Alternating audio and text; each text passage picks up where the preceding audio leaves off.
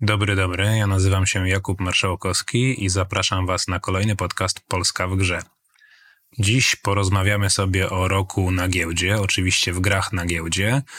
23 podsumujemy, a na 24 spróbujemy pokazać, na co zwracać uwagę. Jakoś tak jednak wyszło, że skupiliśmy się głównie na premierach.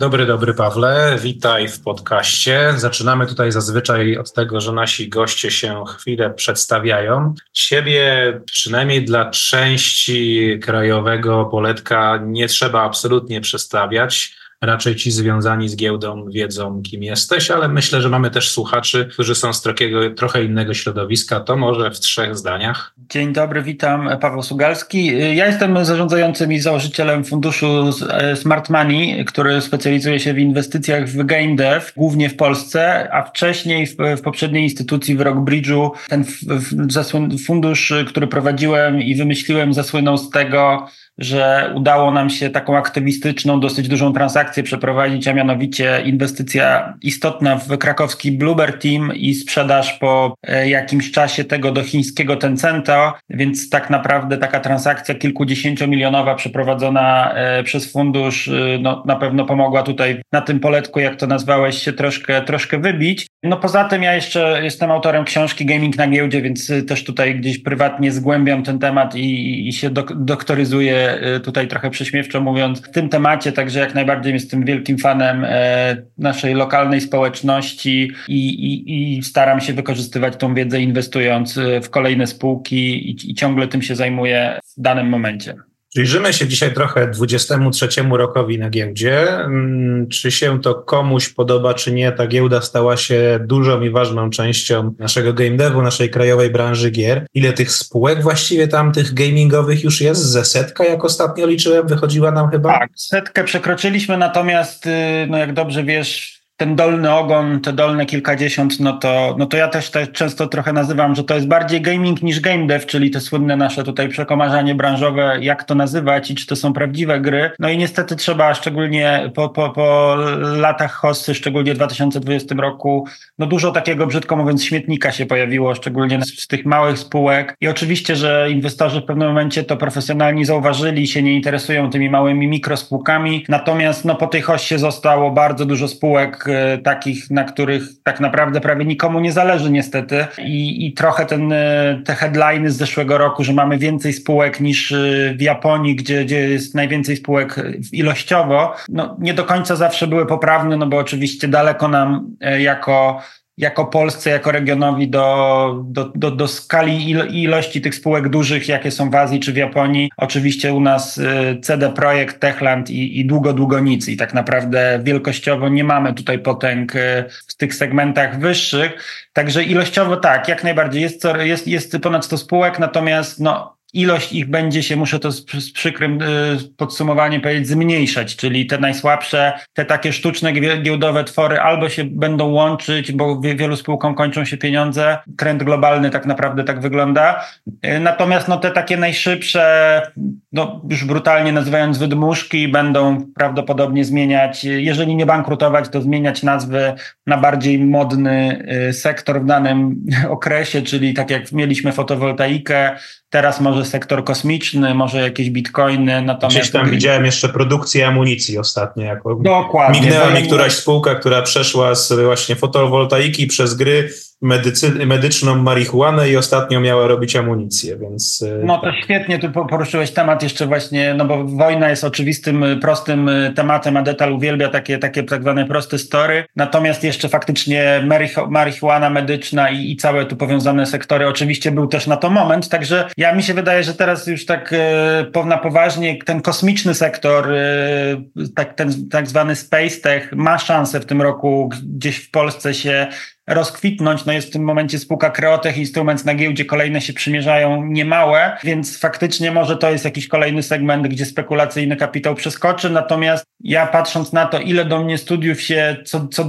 co w każdym tygodniu zgłasza, nienotowanych na giełdzie lub notowanych mniejszych z pytaniem Paweł, y, potrzebujemy finansowania, no to niestety głowa boli od tego, bo no wiele spółek jest w problemach. I ja wiem, że po, po negocjacjach, że nie bardzo jest gdzie zapukać gdzie indziej i no a oczywiście ja wybieram tylko jakieś tematy, które mnie zaciekawią, mają jakiś taki skrajnie korzystny profil ryzyka, potencjału do ryzyka, więc dużo tych studiów po prostu się odbije od ściany niestety, bo nie da się pozyskać na giełdzie teraz kapitału w tym sektorze, co jest dość brutalne. Dopowiedzmy, że poza giełdą właściwie też nie i ten kryzys pewnie dopiero zaczynamy penetrować, zgłębiać i uczyć się, co tam jest. Ale nie róbmy całej audycji po, o, o kryzysie. Spróbujmy porozmawiać o tym 23 właśnie na giełdzie i go podsumować. Najważniejsze wydarzenia. To od czego byś zaczął? No i tu król jest na, u nas jeden od lat i, i, i, i ciągle tu się nic nie zmienia, czyli CD Projekt i jego flagowy w ostatnich kwartałach tytuł, czyli Cyberpunk 2077 i tutaj co było wyjątkowego w zeszłym roku?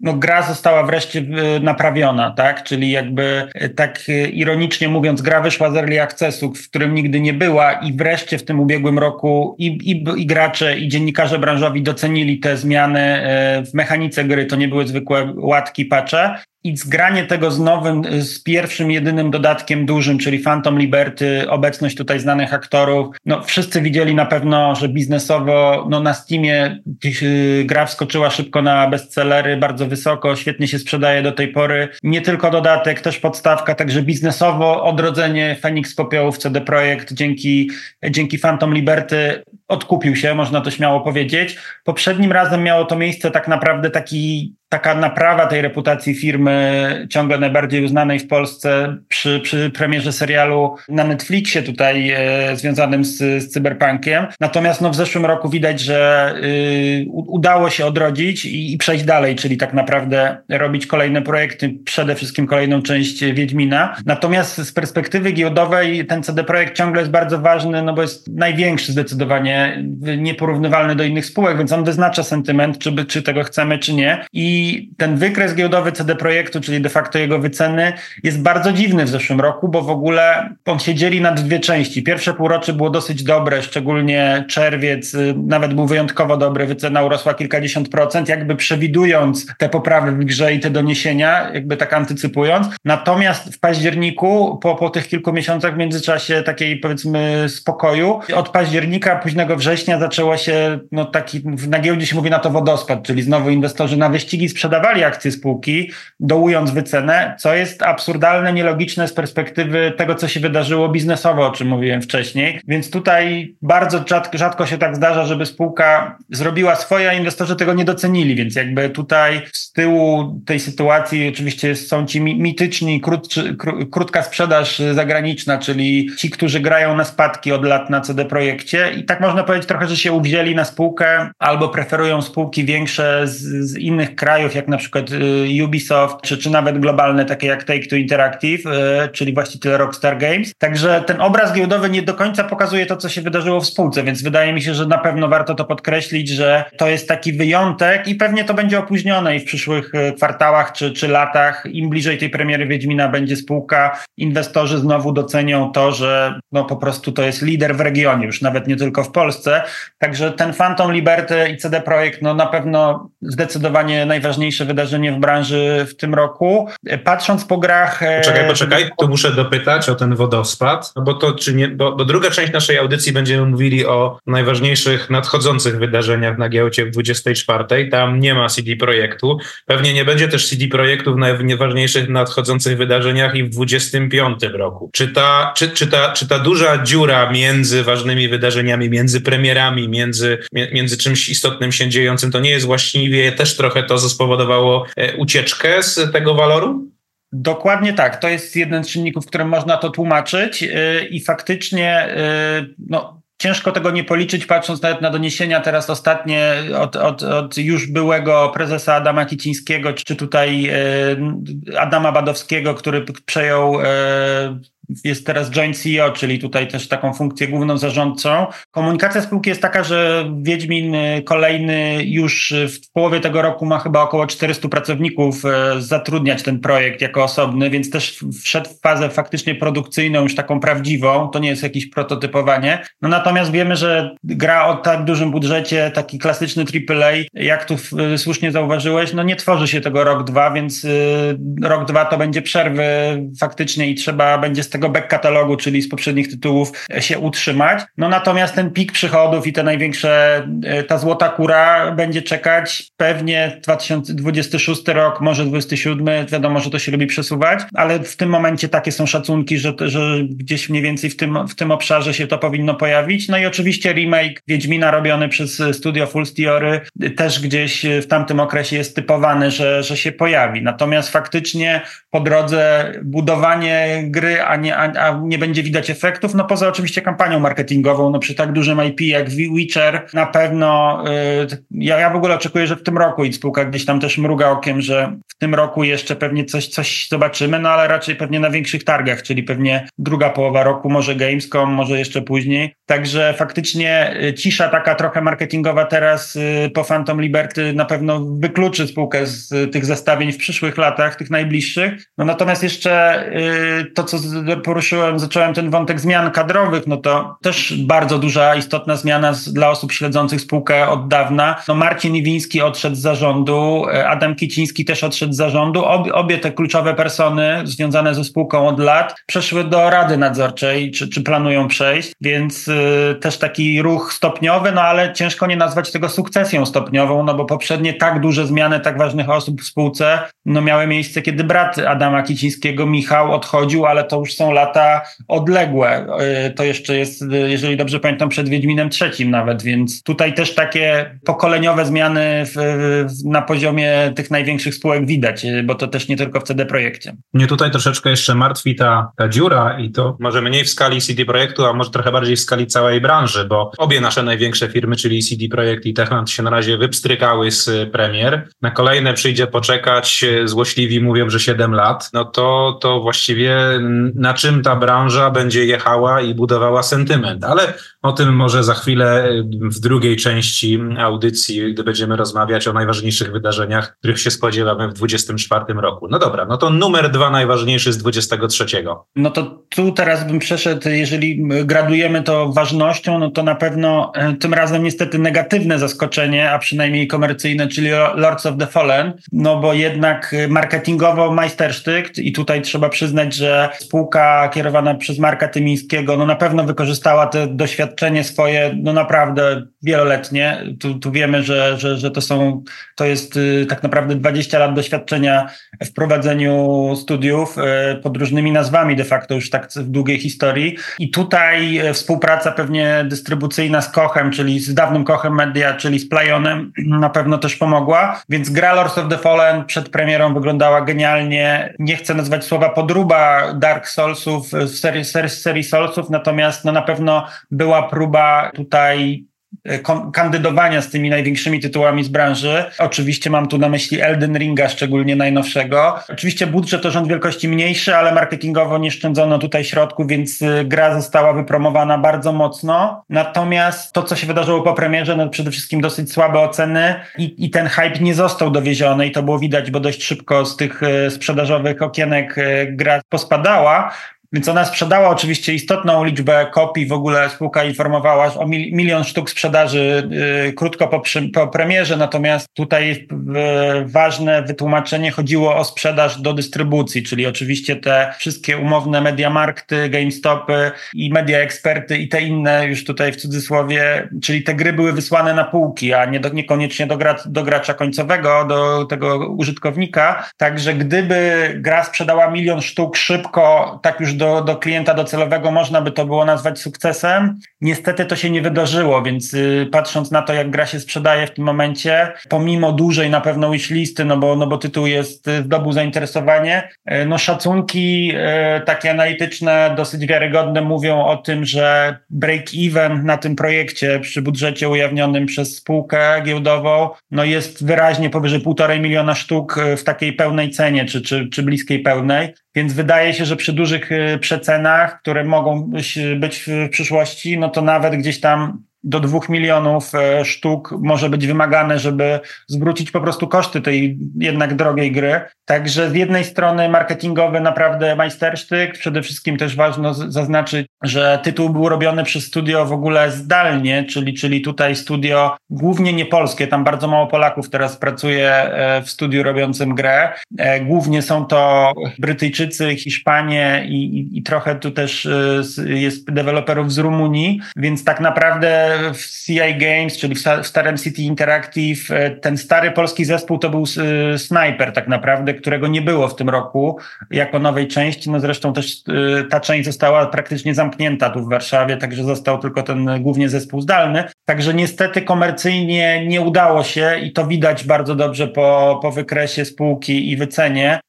I tutaj na, to była ulubiona spółka inwestorów, bardzo dużo na niej zarabiali w trakcie roku. Mi też się, nie ukrywam, udało zarobić e, na tej inwestycji. Nie aż tyle, w sensie na ile się dało, no ale, ale jestem i tak zadowolony. Natomiast e, no, wycena spółki spadł w pewnym momencie, pod koniec sierpnia miała, osiągnęła miliard trzysta e, złotych no w tym momencie taki dołek w styczniu osiągnięty był na poziomie 300 milionów e, złotych, czyli można powiedzieć brutalnie, że przez te pół roku wyparował miliard złotych wyceny spółki. No procentowo już nie będę tutaj liczył, no ale to jest wysokie kilkadziesiąt, więc no inwestorzy no, jednoznacznie rozczarowani, więc, y, więc premiera z ogromnym potencjałem, na pewno sequel czy kolejne części też będą miały szansę na poprawę, natomiast no, za coś trzeba to sfinansować, więc to jest główny dylemat teraz przed inwestorami. No właśnie, tu są jeszcze jakieś negatywne prognostyki dalej wynikające z tego, jak to się wszystko potoczyło? Y, no przede wszystkim y, niestety CA Games Rob częściowo tworzył tą grę z, wykorzystując zadłużenie, czyli kredyt bankowy i, i mała część z obligacji, e, czyli też zadłużenie. Także w głównej mierze te pierwsze środki z gry, które zostały zwrócone, pójdą na spłatę zadłużenia, więc jakby, a, a gra nie była tania, więc ten kolejny projekt, który spółka będzie robić, no też będzie sporo kosztował, więc trzeba pozyskać kapitał skądś na to, więc to jest takie główne wyzwanie. No, spółka teraz y, komunikowała, że chyba ten najbliższy, najbliższa gra to będzie projekt survivalowy, który był robiony przez zewnętrzne studia, został przejęty przejęty teraz do, do, do CI Games. No i oczywiście coś, coś w marce e, Lords of the Fallen y, będzie wykorzystane. Natomiast na razie dużo znaków zapytania. No, na obronę tutaj sytuacji spółki faktycznie przeglądając te problemy techniczne, które były na premierze, one faktycznie wygląda na to, że wynikały w dużej mierze z y, technologii Epika. Mam na myśli przez to, że gra była bardzo zaawansowana technologicznie, graficznie i wykorzystywała Unreala najnowszego. Bardzo mało gier wcześniej z tej kategorii miało swoje premiery, więc troszkę Lords of the Fallen przetestowało ten silnik tak naprawdę i pomimo tutaj wewnętrznych testów nie udało się tych technicznych rzeczy wyłapać, więc niestety bycie tym prekursorem, robienie tego na najnowszej technologii tutaj niestety zawiodło. E, no natomiast na pewno jakieś wnioski na przyszłość, na pewno większe beta testy i no bo utracone te możliwości z premiery, kiedy no, na wieżowcach w Stanach Zjednoczonych były postery ogromne Lords of the Fallen, no na pewno gra miała ogromny zasięg marketingowy, obecność e, branżową, medialny coverage, więc miała potencjał, żeby sprzedać kilka milionów, a, a, a na pewno w tej pełnej cenie nie sprzeda kilku, więc, więc więc tak jak powiedziałem, nie udało się tego miliona sprzedać umownego, który był tą graniczną e, liczbą. Ona się pewnie oczywiście zwróci, spłaci, sprzeda dosyć, ale no właśnie, nie w tym szybkim terminie pozwalającym studiu na, na dalszy sprawny rozwój, tylko w takim właśnie trochę wymęczonym, dłuższym z przecenami i znowu trzeba kombinować. No dobra, e, numer trzy wydarzenie na giełdzie papierów wartościowych w Warszawie w 2023 roku to Twoim zdaniem Wydaje mi się, że jednak y, premiera, też negatywne kolejne zaskoczenie, to też pokazuje sentyment z tego drugiego półrocza przede wszystkim i tu bym y, wskazał premierę niezwyciężonego, czyli The Invincible od Star Wars Industries wydawanego przez Eleven Beat Studios. I to jest o tyle ciekawa premiera, że ona ma bardzo dobre y, recenzje, czyli krytycy tutaj bardzo dobrze ocenili grę jakościowo, no natomiast ona zahacza wprost o, o, o już trochę umarły gatunek walking simów, czyli symulatorów chodzenia. I niestety gra o wysokim budżecie i pomimo wsparcia Eleven Beat Studios, no dla inwestorów, e, oczywiście dla Eleven Beat Studios to jest bardzo mały projekt i spółka na nim e, jakby już, już zarobiła, e, bo, bo to jest wydawca, jest też Eleven Beat Studios inwestorem w, w spółce, niewielkim na szczęście, Natomiast dla pokazania y, oczekiwań, które były wcześniej, przed premierą,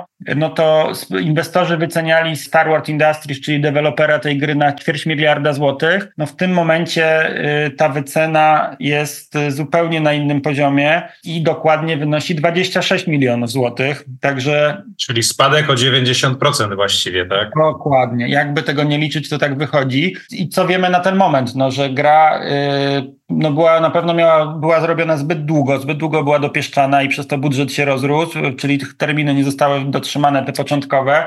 Ja bym chyba jeszcze dodał, że trochę straciła też, przypuszczam, okienko wydawnicze, tak? Właściwie ile ona była dewelopowana? To ja ją pamiętam z tak z zamieszłych czasów, jakieś pierwsze wieści o niej i potem co roku miała wychodzić, co roku miała wychodzić i chyba się troszeczkę okienko wydawnicze na ten gatunek faktycznie skończyło, no. Dokładnie tak. I jakby, i tak jak powiedziałem, nie można zarzucić co do jakości wiele tutaj, no bo oceny na Steamie nie kłamią i recenzje, natomiast z tymi grami jest ogromny problem. Ja to zrozumiałem przy Obserwerze ładne kilka lat temu, kiedy Obserwer tutaj z wykorzystaniem Rutgera Hauera wizerunku zrobiony przez Bluebird Team e, miał bardzo dobre oceny, miał wszystko, miał aktora znanego w tym gatunku e, cyberpunkowym, no i się okazało, że ta gra się tak bardzo średnio sprzedaje, pomimo jakichś tam chyba nawet dziesiątki z dostanej z, z tych e, światowych topowych house'ów e, recenzujących. Więc ja wtedy miałem takie wrażenie, że to był dla mnie taki moment, kiedy zrozumiałem, że Walking Simy się lepiej ogląda, gracze wolą oglądać na YouTubie czy na Twitchu niż się kupować i to jest niestety smutne, no ale prawdziwe, bo jeżeli w grze jest mało akcji, no to gracze to traktują jako film interaktywny i oczywiście, że nie muszą płacić, żeby obejrzeć to na YouTubie, więc tu oczywiście jest ten czynnik,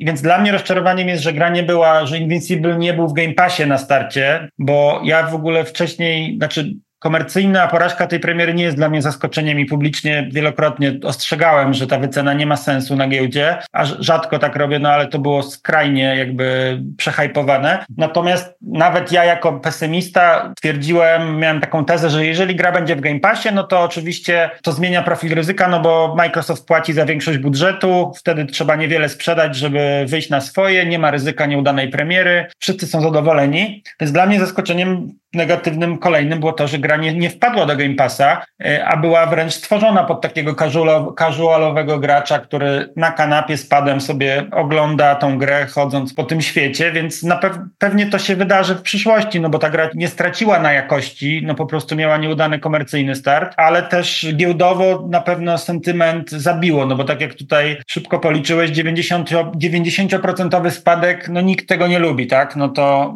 to ciężko wytłumaczyć później do takiemu inwestorowi, który nie daj Boże jeszcze uśredniał tą cenę, czyli na tych pierwszych spadkach dokupował, wytłumaczyć później, że się da zarabiać na, na giełdzie w ogóle, no bo to jest y, naprawdę tracenie pieniędzy w tym takim y, lawinowym tempie, więc... Y, na... Nazwijmy to po imieniu dla mniej zorientowanych słuchaczy, no na dobrą sprawę straciło się wszystko, tak? Tam prawie nie ma co, tak. co wyjąć z tego, więc zainwestowało się jakąś kwotę i puf go. A ja myślę, że tu jeszcze jedna, ja bym sobie pozwolił troszeczkę dobyć, jedna ciekawa lekcja płynie. Oczywiście branża branża gier cała to już doskonale zna. Myślę, że inwestorów trochę też, ale może dla odrobiny mniej zorientowanych słuchaczy dodajmy i podkreślmy. Dawno skończyły się już te czasy, kiedy zrobienie dobrej gry, która będzie zbierała dobre oceny, gwarantuje sukces komercyjny. Tak? Można zrobić grę, która jest odbierana pozytywnie, która, którą recenzenci recenzują pozytywnie, z której gracze są bardzo zadowoleni, tylko jakoś nie bardzo robi zasięgi, nie bardzo dociera do kogokolwiek, nie, kogo, nie bardzo ktokolwiek chce w nią grać, bo tych gier są po prostu tysiące, tak, innych konkurujących o zauważalność, o odkrywalność, o to wszystko i, i trochę chyba taki tutaj niestety nasz, nas też kazus dotarł. Dobra, zostawmy niezwyciężonego w takim razie. Miejmy nadzieję, że faktycznie coś tu się jeszcze na tych dobrych ocenach w jakimś długim terminie uda ugrać. E, to trzy załatwiliśmy. Numer cztery, wydarzenie na giełdzie w 2023 roku. Mm, no to tu bym e, zahaczył o, play, o grupę Playway, czyli też tego tutaj e, naj, najbardziej, liczne, najbardziej liczne studio, w sensie grupujące najwięcej studiów e, w Polsce. I tutaj, co jest wyjątkowego w tym roku w Playwayu, no to przede wszystkim sequel, czyli druga część jednej z dwóch naj, najważniejszych marek spółki, poza, czyli poza Car Mechanic Simulatorem House Flipper i sequel tutaj debiutował pod koniec roku. No i miał dość, dość udany start, więc jakby należy należy to zauważyć, że premiera poszła dobrze, widoczność na Steamie bardzo wysoka, natomiast inwestorom nie spodobały się wysokie koszty, czyli też taki motyw tego roku inflacyjny. Cyberpunku Phantom Liberty też inwestorzy się częściowo na to, to tylko dopowiem, obrazili na wysokie koszty DLC, więc tutaj w Playwayu było podobnie, czyli inwestorzy jak się dowiedzieli, jaki był budżet House Flippera drugiego, no to się złapali za głowę, że chyba Playway już nie umie robić tanich gier y, i no, natomiast to oczywiście zbyt daleko idący wniosek. To nie jest trochę tak, że już się nie da tak tanich gier, może nie tyle robić, co sprzedawać? Zdecydowanie, więc jakby no szczególnie mając takie IP jak House Flipper, no to jest symulator, natomiast ja nie jestem fanem symulatorów i nigdy nie będę, natomiast szanuję y, komercyjny potencjał tego, y, tego, tego IP. E, jest ich kilka, tych IP takich ponad milionowych wyraźnie w Polsce. Y, oczywiście większość jest zgromadzona w grupie Playway, ale House Flipper się wyróżnia strasznie, no nawet odpalamy sobie Game Passa i widzimy tego House Flippera jedynkę, on jest, on się klika, gracze, to, to jest mainstreamowe IP, natomiast Natomiast w samej premierze zabrakło kopa na premierze. Cenowo udało się podnieść poprzeczkę dość mocno versus pierwsza część, co należy uznać za biznesowy sukces. Natomiast chyba to, co się inwestorom nie spodobało, co jest dla mnie nieracjonalne, to to, że, że y, dopalona została premiera marketingiem takim płatnym, co jest nietypowe w grupie Playway. Natomiast jeżeli mamy dobrą grę, no to czemu tego nie wykorzystywać? To trochę jak w mobilkach. Po to jest to user acquisition, żeby ścigać tych graczy reklamami i dopóki to się zwraca, no to jest naturalna dźwignia taka taka operacyjna, żeby to wykorzystywać. Także i tutaj podobnie jak przy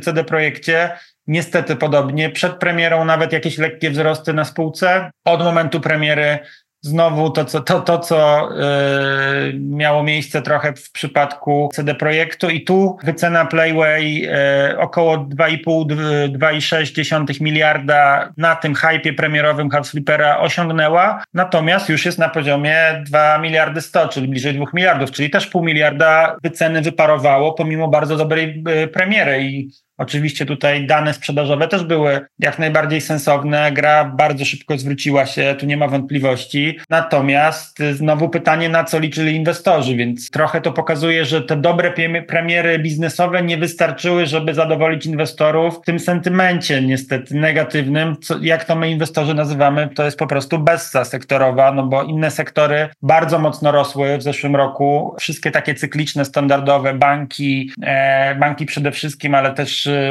też inne spółki, po prostu te duże korporacje Skarbu Państwa dużo lepiej sobie radziły niż nasze te gwiazdy game devowe, także to jest niestety, nie był moment dobry, szczególnie w drugim półroczu na inwestycje w tym sektorze, także e, ja nawet wrzucałem chyba na Twittera po jednej z tych kolejnych nieudanych premier taki mem e, z panem, który na, przez pole minowe idzie z, z wykrywaczem min i, i niestety on dość dobrze pokazywał ten rok ubiegły, jeżeli chodzi o premiery i ich e, oceny przez inwestorów giełdowych. Także niestety faktycznie pole minowe w zeszłym roku i nawet na tych dobrych premierach można było stracić pieniądze, więc naprawdę się inwestorzy odwrócili od, y, od tego sektora. Ale chyba jednak sytuacja House Flipper 2 jest zupełnie inna niż y, Cyberpunka, bo tam ostatni dodatek już wyszedł, a House Flipper 2 chyba właściwie worek z dodatkami to za chwilę dopiero rozsupła, tak? I wydaje mi się, że patrząc na zainteresowanie graczy, które jest bardzo dobre, to tych dodatków tam będzie można wprowadzić i sprzedać zupełnie sporo. To nawet pewnie nie jest tylko temat 24,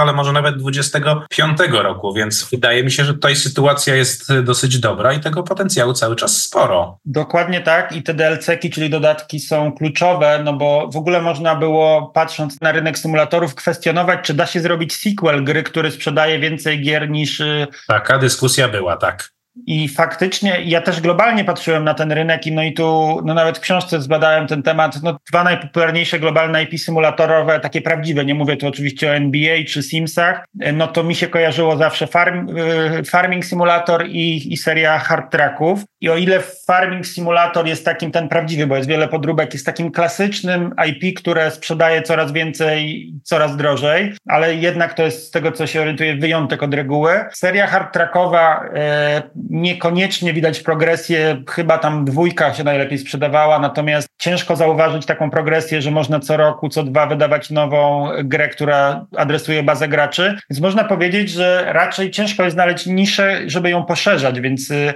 przy House Flipperze też było jakieś ryzyka, że się okaże, że dwójka się już nie sprzedaje tak dobrze, szczególnie w wyższej cenie, bo po prostu ilość tych graczy do dekorowania, remontowania mieszkań jest ograniczona, a jednak tu akurat się okazało, że ta IP ma, ma potencjał i tak jak powiedziałeś, na dodatki tu jest nowy content, y, ogromna studnia z pomysłami i tak samo jak to miało miejsce przy Car Mechaniku, czyli po prostu tam nowe, nowe samochody się dodaje, tutaj też y, łatwo jest ten content dodawać, także jako model biznesowy to, to ta premiera na pewno się obroniła i no bardziej pytanie, czy to znowu nie był wyjątek e, i przez to, że to było najlepsze IP w grupie, czy, czy można się spodziewać kolejnych takich e, mocnych IP, no bo ja przypomnę ciągle, że w wynikach grupy Playway te IP CMS, czyli Car Mechanic i House Flipper jako IP ciągle ważą bardzo dużo, czyli bez tych dwóch IP e, grupa tych ponad 100 spółek, no nie ma tam dywersyfikacji, ona jest taka złudna, czyli te, tak naprawdę te spółki generują gro obrotu. No, natomiast pozytywnym zaskoczeniem docenionym e, trochę przez inwestorów w marcu chyba premiera Contraband Police w grupie Playway była o tyle ciekawa, że miała,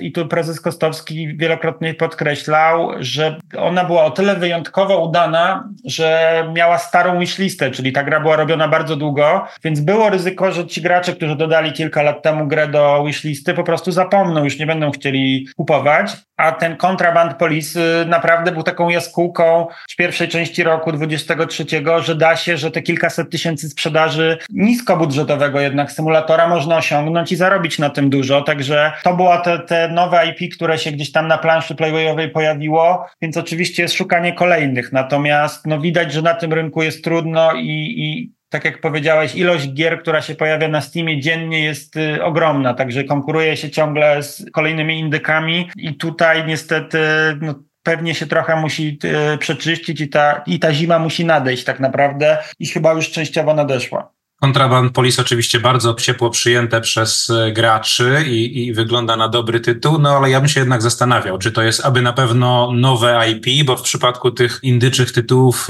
ja bym uważał, że nie zawsze aż tak mocno mówimy, możemy mówić o, o, o tych IP, właśnie stąd to zastanawianie się, czy, czy dwójka House Flippera będzie udana, bo to nie zawsze w grach indie tak działa. Dobra, e, co jeszcze z 23 roku gdzieś jako, nie wiem, honorable mentions sobie zróbmy. Jakieś jeszcze ze trzy wydarzenia, które absolutnie należałoby tutaj wymienić jako ważne i ważące na tym, co się dzieje w branży, co się dzieje na giełdzie to tu bym już przeszedł do spółek niegiełdowych, ale które miały szansę wejść na giełdę w tamtym okresie, albo, albo wejdą w tym roku, albo będą próbować, albo przez to, że się nie udało, opóźnią debiuty. No i taki na pewno kłony uznania za, za udaną premierę na tym trudnym rynku dla Forever Skies, czyli studio Andrzeja Blumenfelda. Naprawdę bardzo udana premiera i te pierwsze dane sprzedażowe, które podawali, bardzo przypominały dane sprzedażowe Greenhella w ogóle, czyli tego naszego. A gatunek dość podobny, chociaż setting trochę inny. Dokładnie, więc jakby naprawdę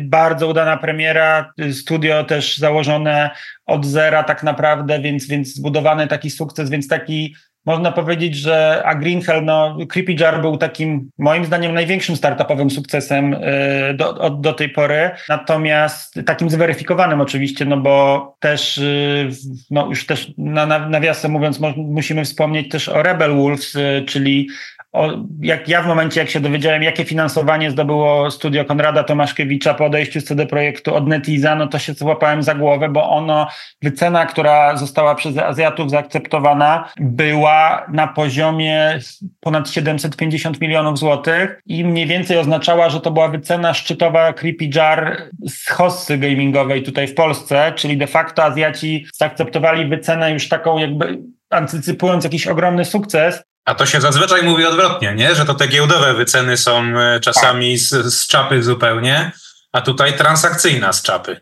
Tak, i co jest ciekawe. Powiedziałem to na głos? Tak, tak. I nie, to, i tu oczywiście też, y, no to to jest naprawdę takie z tych pozagiełdowych rzeczy też kluczowe, że spółka dostała, bo te sprawozdanie gdzieś tam krąży, da się je znaleźć y, publicznie. Ja się do niego dokopałem, jak wyceniałem do rankingu któregoś rocznego i to jest istotne, spółka dostała pieniądze z góry w dolarze y, i, i to też implikowało oczywiście problemy z kursem walutowym w tym trudnym okresie, szczególnie później w trakcie wojny i de facto tutaj tych ruchów nerwowych Natomiast zabezpieczenie budżetu tak dużej gry, e, no bo tutaj jest mowa jednak o AAA, a przynajmniej takie nazewnictwo, no to jest ogromny sukces. Na giełdzie nie dałoby się kompletnie tego zrobić i to, że udało się przekonać inwestora branżowego, żeby zapłacił z góry za całą grę, a nie transzował, milestonował, to na pewno to może być ten honorable mention tutaj, bo, bo faktycznie no jest to ogromny sukces, jakby bez dwóch zdań już niezależnie czy ta gra będzie dowiezie jakby i sprzeda się tak dobrze, no tego nie wiemy, natomiast to, co do tej pory było zrobione, no to mega profesjonalne i wielki szacunek tutaj dla zespołu. Jakiej, jakiej przyczyny byśmy może szukali tutaj tak wysokiej wyceny? Czegoś może jednak nie wiemy o studiu i o tym, co produkują jeszcze czymś pozytywnie nas zaskoczą? Czy może to, była, to był taki ostatni podryk tej, tego szaleństwa zakupowego, za które trochę płacimy obecnym kryzysem? Chyba to ostatnie, ale na pewno trzeba dodać, że czyli, czyli faktycznie jeszcze udało się załapać na te warunki e, z Hossy, ale, ale raczej już deal był dopinany później. E, natomiast no wiem, że ci Azjaci często, ci inwestorzy pracują długo, czyli nawet jak mają rozgrzebaną transakcję, potrafią finalizować pół roku czy rok, więc może faktycznie to było domknięcie już starych warunków wynegocjowanych wcześniej. Natomiast co się rzuca w oczy, to przede wszystkim doświadczenie zespołu. No jednak Konrad Tomaszkiewicz, no nie trzeba nikomu przedstawiać, jeżeli ktoś kredyt gier CD Projektu e, przegląda oglądał te główne, no bycie reżyserem e, tutaj tych głównych IP CD projektu na pewno podziałało tutaj, e, rozbudziło wyobraźnię e, inwestorów. Także, także pewnie doświadczenie i zebranie tak, tak, tak mocnego zespołu. Natomiast wracając do Forever Skies, czyli do spółki Far From Home, no tutaj zweryfikowanie na PC na razie w Early Accessie bardzo mocne sprzedażowe. No tutaj gra Właśnie do... podkreślmy, że to jest Early Access, czyli dużo sprzedaży jeszcze przed nimi tak naprawdę i jeżeli rozegrają to dobrze, to może jeszcze właściwie kolejna premiera, tak? Czyli kolejny potężny E, pik sprzedażowy. Oni się wybierają na giełdę? Nie ma jeszcze informacji na ten temat, natomiast ja, ja tak sobie w branży, jak ktoś mnie pyta, mówię, że to jest jedyna spółka, która zasłużyła na to, żeby wejść na giełdę, że jakby udowodniła, że, że należy jej się bycie na tej giełdzie, jeżeli zechce. I mówię tu oczywiście o tej dużej giełdzie, nie o New Connectie, nie o tej małym rynku, bo, e, więc, więc moim zdaniem tak, w tym roku możemy się spodziewać. Natomiast no, z perspektywy spółki, no bez sensu jest wchodzić na giełdę wtedy, kiedy nie ma sentymentu, bo w sumie się akceptuje gorsze warunki, więc pewnie warto poczekać. Natomiast to, co obserwując profile społecznościowe spółki, warto zauważyć, no to ma się pojawić koop, czyli to, co w tej branży, w tym gatunku jest wręcz wymagane przez graczy i tutaj ten koop jest faktycznie kluczowy i przyciąga rzesze, ma być dodany, no i wersje konsolowe dopiero się tworzą, więc yy, czy, czy, czy wersja konsolowa nawet, yy, więc tutaj myślę, że to też pobudzi mocno sprzedaż, także taki mamy pierwiastek creepy ja tu widzę, czyli zweryfikowanie studia startupowego, jak się przejrzy, porozmawia z ludźmi ze studia, to chyba nie przypadkowy sukces, ale też na pewno nie jest łatwo zrobić nawet z dobrymi ludźmi studio i dowieść grę, która się dobrze sprzedaje, także na pewno warto, warto wspomnieć o Forever Skies. Natomiast z tych niegiełdowych porażek... E... No właśnie, nie, nie zawsze ta weryfikacja wychodzi pozytywnie niestety. Trochę tak pewnie musi być. Tak, i tutaj na pewno z tych gier nieudanych, które ja śledziłem, które prawie że były już giełdowe, bardzo bliskie gdzieś tam wśród inwestorów znane, a wręcz nawet y, ja byłem inwestorem wcześniej funduszowym jeszcze w tych takich niegiełdowych transakcjach przed, przed inwestycją Kraftona, czyli spółka Covenant Dev i premiera Gorda w sierpniu. No tutaj wszystko się zgadzało na papierze, z kim się branżowo nie rozmawiało, no to nie wiem, no patrząc na y, grupę społeczności na Steam, wszystko wyglądało dobrze. Wydawca Team 17, który miał przejąć marketing i, i zapłacił, wyłożył duże pieniądze też, bo gra nie była tania. Akcjonariat też bardzo poukładany. Prezes świetną wizją, z doświadczeniem też CD Projektu, y, firmy outsourcingowe, które współpracowały przy tytule, też topowe tutaj w Polsce. I na premierze okazało się, że gra totalnie nie trafiła w, w swój jakby range graczy, słabe oceny, mieszane, ciężko z czegoś takiego wyjść, no nie da się już takiej gry naprawić. Wydaje się, że IP dość mocne stworzone pomimo wszystkiego, no bo marketingowa robota była zrobiona dobra, więc szkoda po prostu, bo na pewno zmarnowana okazja, natomiast no ja akurat mocno kibicuję Stanowi, czyli prezesowi, największemu właścicielowi. No, jak rozmawiałem z nim po premierze, no, widać tam wolę walki na pewno i oczywiście, że jakieś y, lekkie zwolnienia musiały studio dotknąć, co też jest takim motywem przewodnim w ogóle y, branży, naszej branży w, globalnie, też nie tylko w Polsce. Więc tak naprawdę na pewno tutaj pomimo porażki komercyjnej wiem, że Covenant będzie w stanie robić kolejną grę przede wszystkim, bo miał zabezpieczone środki finansowe, y, a nie każde studio indie po porażce byłoby w stanie się podnieść. Także tutaj y, myślę, że te doświadczenie może zostać przekute i, i, jakby na pewno kibicuję, tak jak powiedziałem, tutaj, temu deweloperowi. Natomiast też w podobnym okresie miała premierę jeszcze gra Dark Envoy yy, od Event Horizon, i też yy, pomimo stosunkowo dużego budżetu, no gra została na Steamie trochę niezauważona i pomimo dobrych ocen. Tu myślę, że też w większości naszych słuchaczy przeszła poniżej radaru, ale też pewnie trochę poniżej radaru w Polsce przeszła w ogóle poprzednia ich premiera, tak? Bo Event Horizon studio wydało grę o takiej samej nazwie RPG ładnych parę lat temu. Nie wiem, trochę się może nie wożą po eventach i dlatego są mniej znani, mniej rozpoznawalni. Tu chyba sytuacja jest odrobinę inna, bo gra jest oceniana dobrze, tylko brakuje tej właśnie od tego jej właśnie odkrywania przez graczy. Dokładnie, więc jakby też pojawia się zawsze pytanie przy takiej premierze, skoro y, jakość była dowieziona, to czy nie zbrakło pieniędzy na marketing, czy, czy po prostu akcjonariusze nie odważyli się dosypać tych środków, czy no tutaj też y, w trakcie premiery wiem, że była był wydawca wcześniej, później go nie było, więc gra została jakby wykupiona chyba od wydawcy, także też taka była próba wejścia na giełdę, a przynajmniej sądowanie i też w złym momencie, także, także szkoda, bo faktycznie te studia, które robią dobre gry na pewno nie każdy ma, ma, ma łatwo. No, w tym momencie było pod górkę i, i, i mając jeden główny projekt, no to później oczywiście to mocno obarcza y, przyszłość, czyli no, na pewno po takiej premierze trzeba ciąć koszty, żeby po prostu back katalog, a jeżeli ma się jedną grę w back katalogu świeżą, no to naprawdę ciężko jest wyżywić y, tutaj cały zespół. Już jakby, no a to są koszty tworzenia przyszłej gry tak naprawdę. I tutaj jeszcze jakby będąc przy spółkach niegiełdowych, też jeszcze jedna na szybko szybko mi się przypomniała e, gra Achilles e, Legends Untold i tutaj też e, mogę być nie do końca obiektywny, bo już się ujawniłem jako inwestor w tej spółce, natomiast jestem z inwestorem już po Early Accessie, który był w zeszłym roku, natomiast gra miała po wyjściu z Early Accessu też bardzo dobre oceny, teraz powyżej 80% na Steamie z tych ostatnich, także bardzo dobre przyjęcie i to jest i ten przykład tej gry, która zaskoczyła stopniowo, czyli to nie był duży sukces na premierze. Gra się bardzo dobrze sprzedaje na konsolach, szczególnie na Sony. Na Steamie też to wygląda dobrze, więc też taki rozwojowe studio tutaj z Torunia, e, Dark Point Games, które no myślę, że też dużo ciekawego może pokazać w przyszłości, także tutaj też mocno kibicuję i, i głową, i pieniędzmi funduszowymi, bo, bo jestem pozytywnie zaskoczony versus oczekiwania, co się rzadko zdarza, bo jednak e, inwestując w jakieś studio zazwyczaj się oczekuje więcej, także tutaj Achilles Legends Untold też też polecam zerknąć i sama gra jest po prostu, e, ona trochę przypomina Diablo-like grę na pierwszy rzut oka, natomiast jest to troszkę inny gatunek, natomiast e, jest na pewno sukcesem, może nie ogromnym, natomiast też budżet nie był, nie był mały, bo tu też e, dzięki dotacji udało się ten budżet powyżej 10 milionów złotych mieć, także też e, dość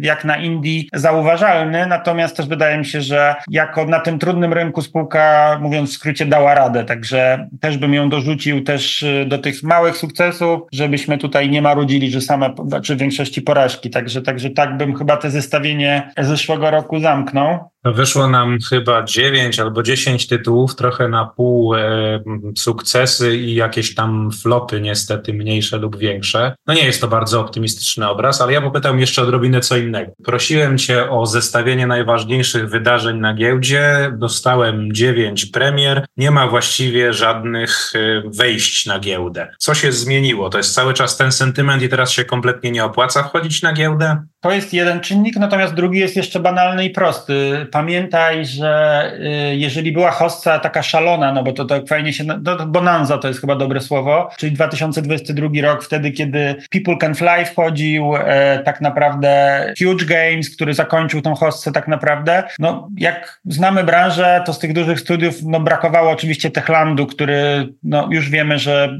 Tencent kupił te, Techland, więc nie będzie go na giełdzie prawdopodobnie. Ta wycena została według sprawozdania Tencentu prawdopodobnie, bo to nie jest napisane wprost, ale można łączyć fakty, że to jest 0, 900 milionów dolarów zostało zapłacone chyba za 60, 67% spółki. Jeżeli to się przeliczy na całą spółkę i na dolara, to wychodzi na to, że mniej więcej połowa wartości CD Projektu na giełdzie w tym momencie y, to, to była wycena Techlandu. I ta proporcja nawet ma sens taki logiczny, jak się to przemyśli. A dla porównania, tylko dla, dla słuchaczy, CD Projekt jest wyceniony na ponad 10 miliardów złotych w tym momencie, 10,5 miliarda, więc faktycznie Techland tam odpadł z tych dużych debiutów, ale to, co chciałem powiedzieć w, w tym wątku, no poza Flying White Hawk tutaj warszawskim i The Astronauts, które nie jest dużym studiem, ale jest bardzo znanym ze względu na Adriana Chmielarza i jego doświadczenie, no to tak trochę ciężko jest znaleźć jakieś studio duże, istot, takie bardzo istotne, które, którego brakuje na tej giełdzie w tym gronie game devowym. Oczywiście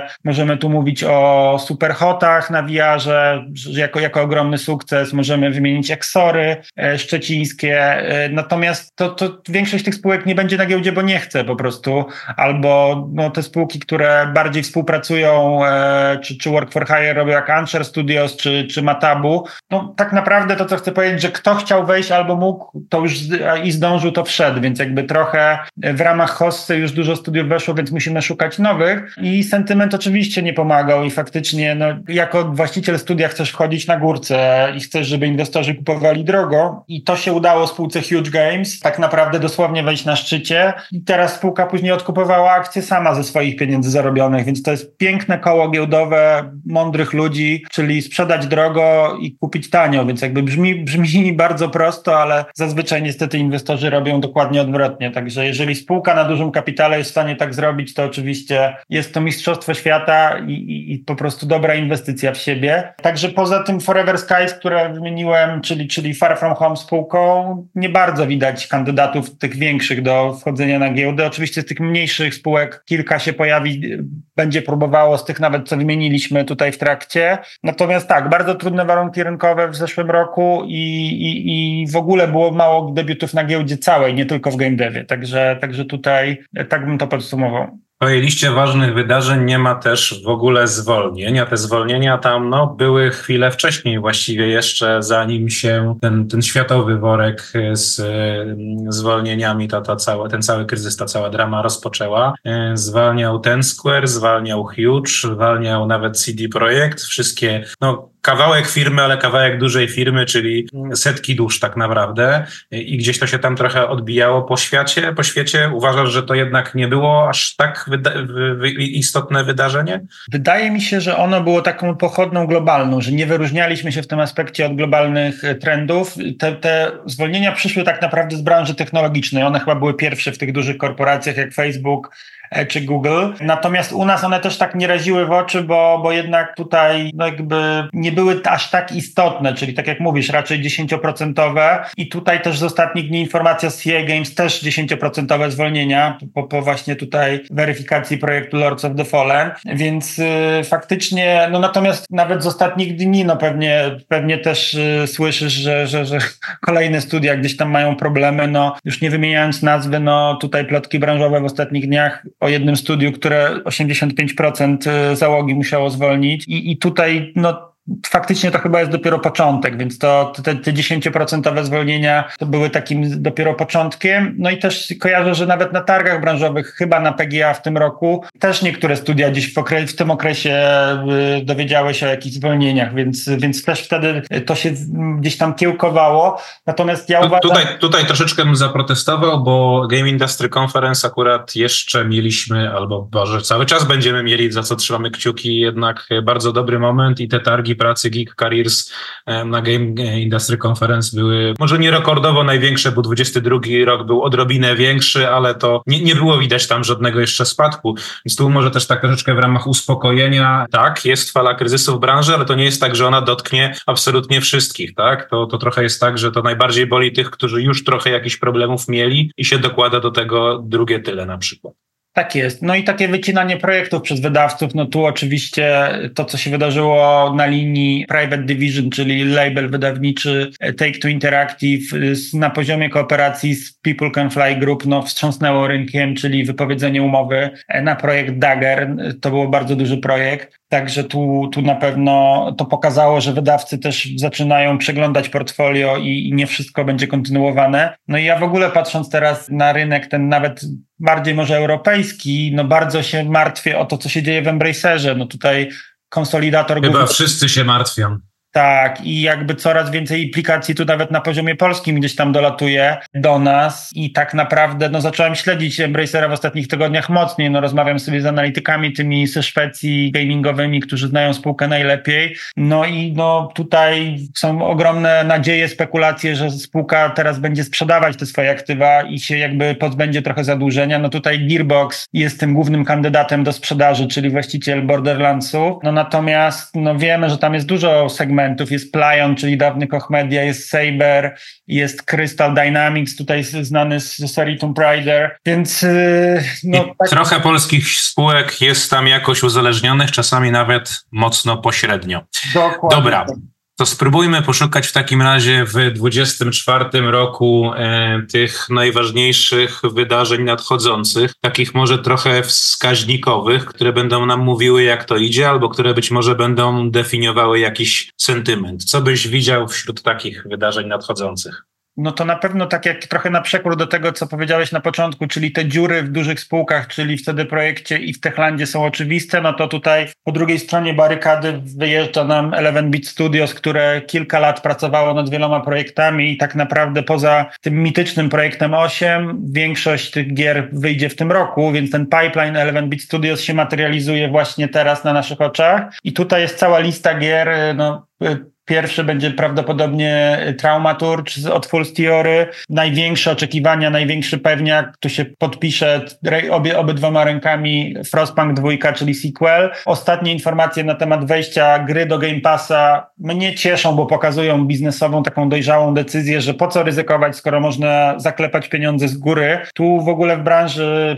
też gdzieś tam w social mediach ogromna dyskusja, szacunki analityków co do tego deala są ogromne. Tutaj przedział jest bardzo szeroki. Mi się wydaje, że patrząc na to, że Frostpunk drugi kosztował około 70 milionów złotych, ciężko mi sobie wyobrazić, że Microsoft zapłacił więcej niż budżet za grę, bo tak mi się trochę biznesowo to nie zgadza. Oczywiście jest jakiś efekt kanibalizacji, więc jestem sobie w stanie wyobrazić, patrząc na te polskie poprzednie deale, że duża część budżetu została e, przedpłacona, więc mój taki szacunek to jest około 50 milionów złotych ale taki totalnie na czuja, patrząc na to, na tego deala. I co jest ciekawe, Eleven Beat Studios jest spółką giełdową, więc przy, przy okazji poinformowała, wynika z tego, że to nie jest ostatni deal na Game Passa, także wygląda na to, że tak można to nadinterpretować, że kolejne gry też będą w Game Passie. Czy wszystkie zobaczymy? Natomiast no, wydaje się, że Alters i Traumaturg również mogą, a przynajmniej Alters, ale to na razie jest owiane tajemnicą.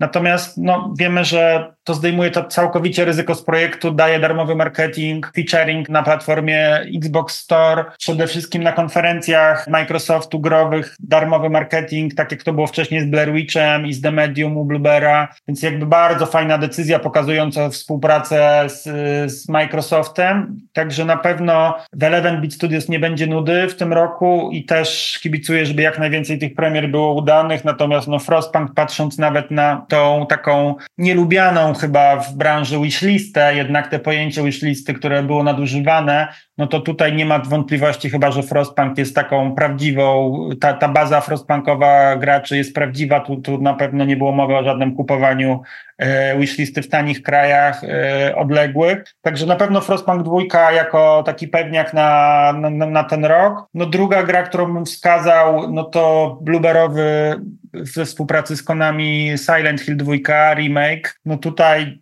wydaje mi się, że mogę sobie powiedzieć, mogę, mogę tutaj przewidywać, że to jest raczej ten rok już. Ta gra już była, jej budżet był zwiększany stopniowo, jest tworzona już trochę czasu. Wydaje się, że w tym roku będzie więcej informacji na ten temat i premiera, także też. Y, Ale zapowiedzi tej premiery jeszcze, jak rozumiem, nie ma. Nie ma. I to jest ciekawe. I gracze, jak się śledzi profile Silent Hilla i Konami, są zirytowani już wręcz y, tym, że nie ma informacji. Ja już widziałem co najmniej kilka konferencji Konami, które gracze byli przekonani, że to już jest Silent Hill 2, będzie chociaż gameplay, cokolwiek. Wcześniej był jakiś trailer oczywiście, ale było mało pokazane.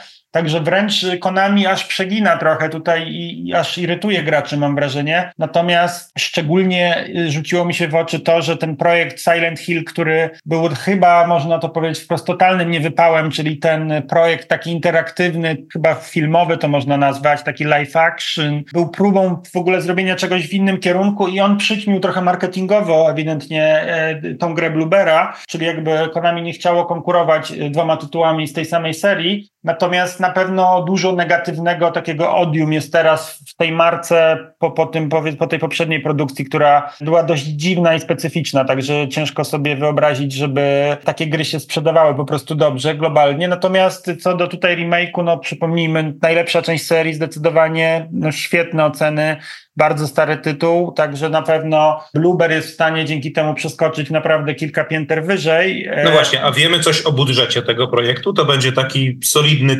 AAA, czy, czy, czy bardziej jednak y, troszeczkę niżej? AAA na pewno tego nie możemy nazwać, aspiracyjnym może AAA, natomiast okay. wedle tego, co Piotr gdzieś tutaj, y, prezes Piotr Babieno, nawet na swojej konferencji tutaj przechodząc, przechodząc na, y, ostatnio w ogóle przeszli na główny rynek jako spółka, natomiast wcześniej taka jubile, jubileuszowa y, konferencja miała miejsce, strategiczna spółki z planami. Wydaje mi się, że gdzieś ten taki gajdowany budżety spółki co do tego projektu lub drugiego były w przedziale 20-30 milionów euro, czyli, czyli takie 100 milionów e, złotych, 100 plus to jest chyba ten rząd wielkości, o którym tu rozmawiamy, więc też nie mały projekt. Na pewno, natomiast taki prawdziwy indyk, premium, natomiast do AAA oczywiście jeszcze daleko, ale patrząc na to, jak się Blueberry rozwija, to jeżeli ta premiera się uda, a też wiemy, że remake Resident Evil'a, takiej konkurencyjnej serii się sprzedał świetnie, także na pewno jest na to szansa, no natomiast, no wiadomo, no jednak to jest remake, to nie jest y, nowa część, także też jakieś ryzyka są. Natomiast, no będzie głośno w branży i też te obecne zasięgi są na pewno istotne, także to chyba numer dwa. To chyba wyczerpuje nam te największe tytuły, jakich możemy się spodziewać w,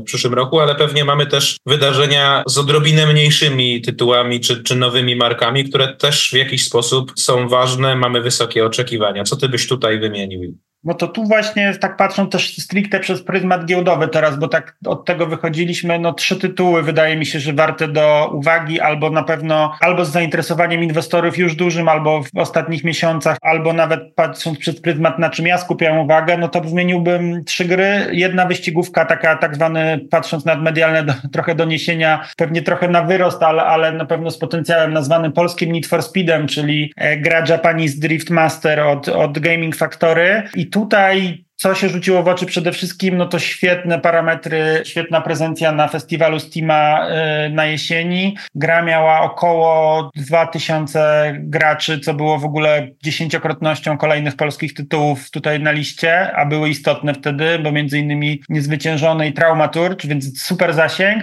Tematyka japońska dosyć orientalna, ale przy, przy, przy tej drifterskiej scenie samochodowej wiemy, że no jest tam jednak kolebka w tej branży, więc faktycznie spółka wydaje się, że dotarła marketingowo, patrząc też na zasięgi YouTube'owe i, i tutaj nawet giełdową informację o, o wydawcy zagranicznym, który się zainteresował ry rynkiem azjatyckim, żeby pomagać spółce i jeszcze wpompować trochę pieniędzy. No fajnie to rokuje na taką premierę w ogóle niespodziewaną i, i, i sukces giełdowy, także tutaj ja też uwierzyłem w potencjał spółki, też trochę, trochę pieniędzy spółce dałem funduszowo, nawet nie na dokończenie tej gry, bo spółka też ma, ma opcję wzięcia wydawcy, natomiast ja bardzo lubię inwestować w studia, które stawiają sobie alternatywę, że mają na tyle mocne przekonanie co do robienia gry, że czasami wolą nie brać wydawcy lub wziąć go tylko na małą część geograficzną, a zachować sobie potencjał u siebie. Także wtedy ja jako inwestor też oczywiście partycypuję w tym i, i to jest ważne, żeby, no bo wiemy, że oddanie wydawcy całości e, często się nie kończy recapem i po prostu wydawcy potrafią dobrze kalkulować, także, także na pewno tutaj ciekawa premiera na ten rok i Podemie wygląda na to, że obiecująca. Z innym festiwalem Steama łączy się bardzo duży sukces, ten tak zwany KPI-owy, czyli też i społeczność, i wishlista. Bardzo się wyróżnia, jest Infection Free Zone od Games Operators, czyli od twórców 911 Operator e, czy, czy 112 Operator, które były zupełnie innymi grami, także tutaj na razie ta wishlista według szacunków jest ogromna, wysokie kilkaset tysięcy, bardzo duże zasięgi widać na YouTubie w Chinach.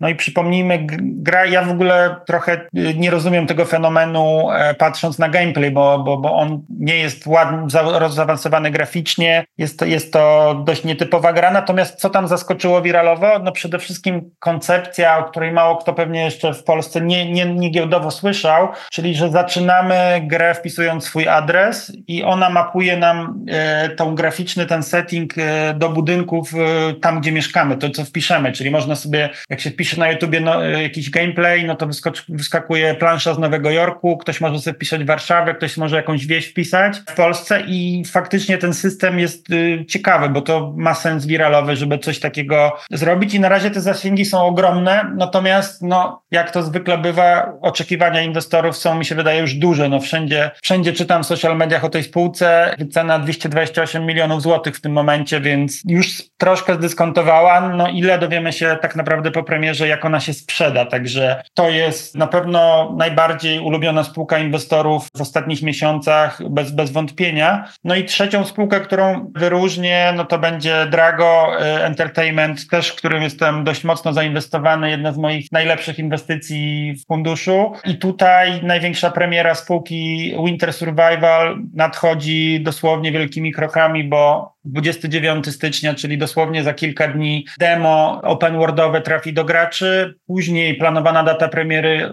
koniec lutego Early Access, na razie tylko PC, a jeszcze po drodze w pierwszej połowie lutego festiwal Steama i te demo, które też będzie obecne, także bardzo gorący okres, duże nadzieje, no bo gra jest przeniesiona na Unreal'a 5, wcześniej była robiona na czwórce, ja ją oglądałem, dla mnie świat gry jest genialny, w sensie tutaj śmiało można powiedzieć, że konkurencja z Forestem czy z Green Hellem, gra może konkurować z tym na pewno graficznie, gameplayowo mam nadzieję, że też podoła, natomiast duży survival też ma premierę niedługo, bo Sons of the Forest, czyli sequel Foresta oryginalnego, wychodzi z Early Accessu 22 lutego, także też te gorące okienko survivalowe w najbliż, najbliższych tygodniach. Natomiast no tu dla porównania na giełdzie Drago jest w tym momencie 62 miliony wycenione, więc dosyć nisko, szczególnie, że tak naprawdę posiada IP Gas Station Simulator, które ponad milion sztuk już sprzedało, więc to też nie jest absolutnie studio jednej gry, więc tutaj też upatrywałem tego mojego e, konika inwestycyjnego. Także, także tutaj te trzy gry bym wskazał jako te takie inwestycyjne ciekawostki na najbliższe miesiące na giełdzie.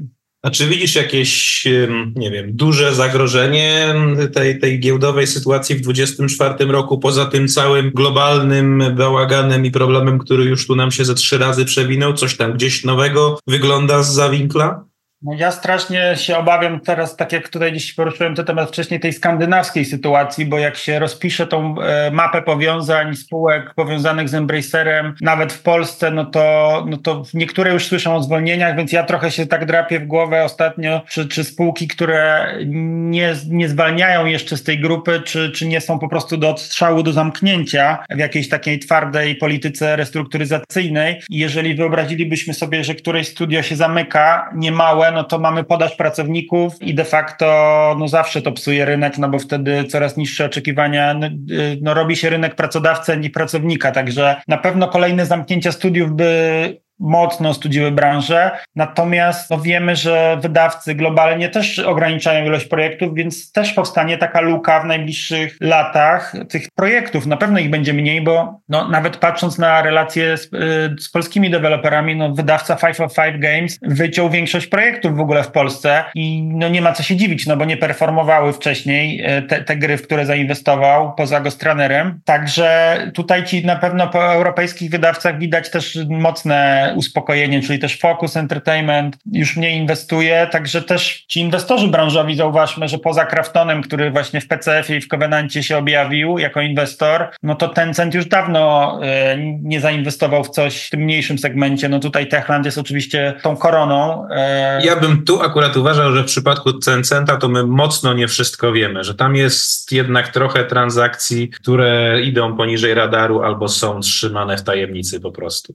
To prawda, też tak może oczywiście być, bo faktycznie trochę zbyt cicho się wydaje, w, patrząc na to, jak, jak wcześniej byli rozpędzeni i przejmowali tak naprawdę dużo, a wszystko się w sumie zaczęło głośno, może nie zaczęło, ale no ta transakcja bluberowa właśnie, której ja też trochę palców maczałem e, i, i, i widać, że i też o dziwo kolejny krok nie został zrobiony, czyli Tencent ciągle jest właścicielem tylko jednej piątej blubera. A ja myślę, że oni nie chcą więcej, że taka sytuacja im zupełnie pasuje, ale to jest pewnie temat na zupełnie inną... To się wydaje win-win dla obu stron tak naprawdę chyba, także dobrze, dobrze tutaj e, podpowiadasz. Myślę, że to jest trochę temat na, na inną rozmowę i ją dzisiaj zostawimy. Jeszcze jedno zamykające pytanie. Tak sobie sięgam pamięcią odrobinę wstecz, to chyba ponad dwa lata już i to było i na Geeku 21 obecne i trochę przy raportach jak pracowaliśmy, to już od dłuższego czasu słyszeliśmy, że ta faza konsolidacji, zwłaszcza na giełdzie, gdzie, gdzie ta, ten, ta największa drobnica będzie się musiała trochę jakoś połączyć w większe byty, to ona już, już, już ją widać, już się zaczyna dziać. No i chyba właściwie cały czas nie bardzo się cokolwiek e, wydarzyło. To teraz już tak naprawdę już, już będzie ta konsolidacja?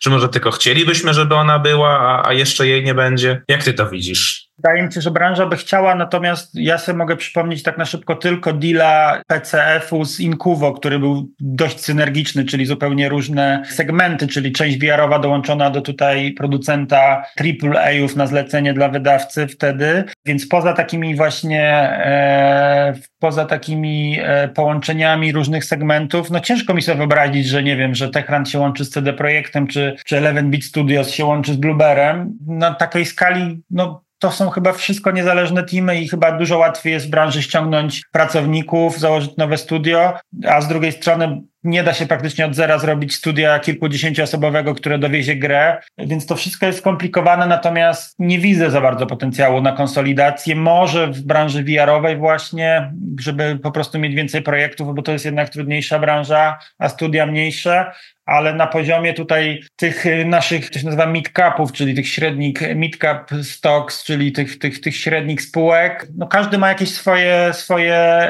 y, specjalizacje, czyli no jak Element Bity, te gry typu Meaningful, no Blueber oczywiście ten horror atmosferyczny e, i, i tutaj ten taki psychologiczny, no i jakby widać, że każdy obstawił swój, swój kierunek i gdzieś tam nie widać synergii za bardzo takich na szybko, jak, jak to by można było połączyć, Chociaż ja też się zgadzam, że wejście chińskiego kapitału do Techlandu może być jakimś sygnałem konsolidacji rynku w przyszłości. Natomiast gdyby się tak wydarzyło, no to pewnie patrząc na to, jaki kapitał stoi za Tencentem i jaki IP ma w grupie, no to to mogłoby być traktowane jako takie work for hire, jako takie huby tworzenia gier na podstawie własnego IP w grupie. Także to, to chyba nie Tego byśmy pewnie nie chcieli, pewnie byśmy woleli jednak, żeby nasze studia tworzyły swoje własne IP e, i swoje własne produkcje. Dokładnie tak, dokładnie tak.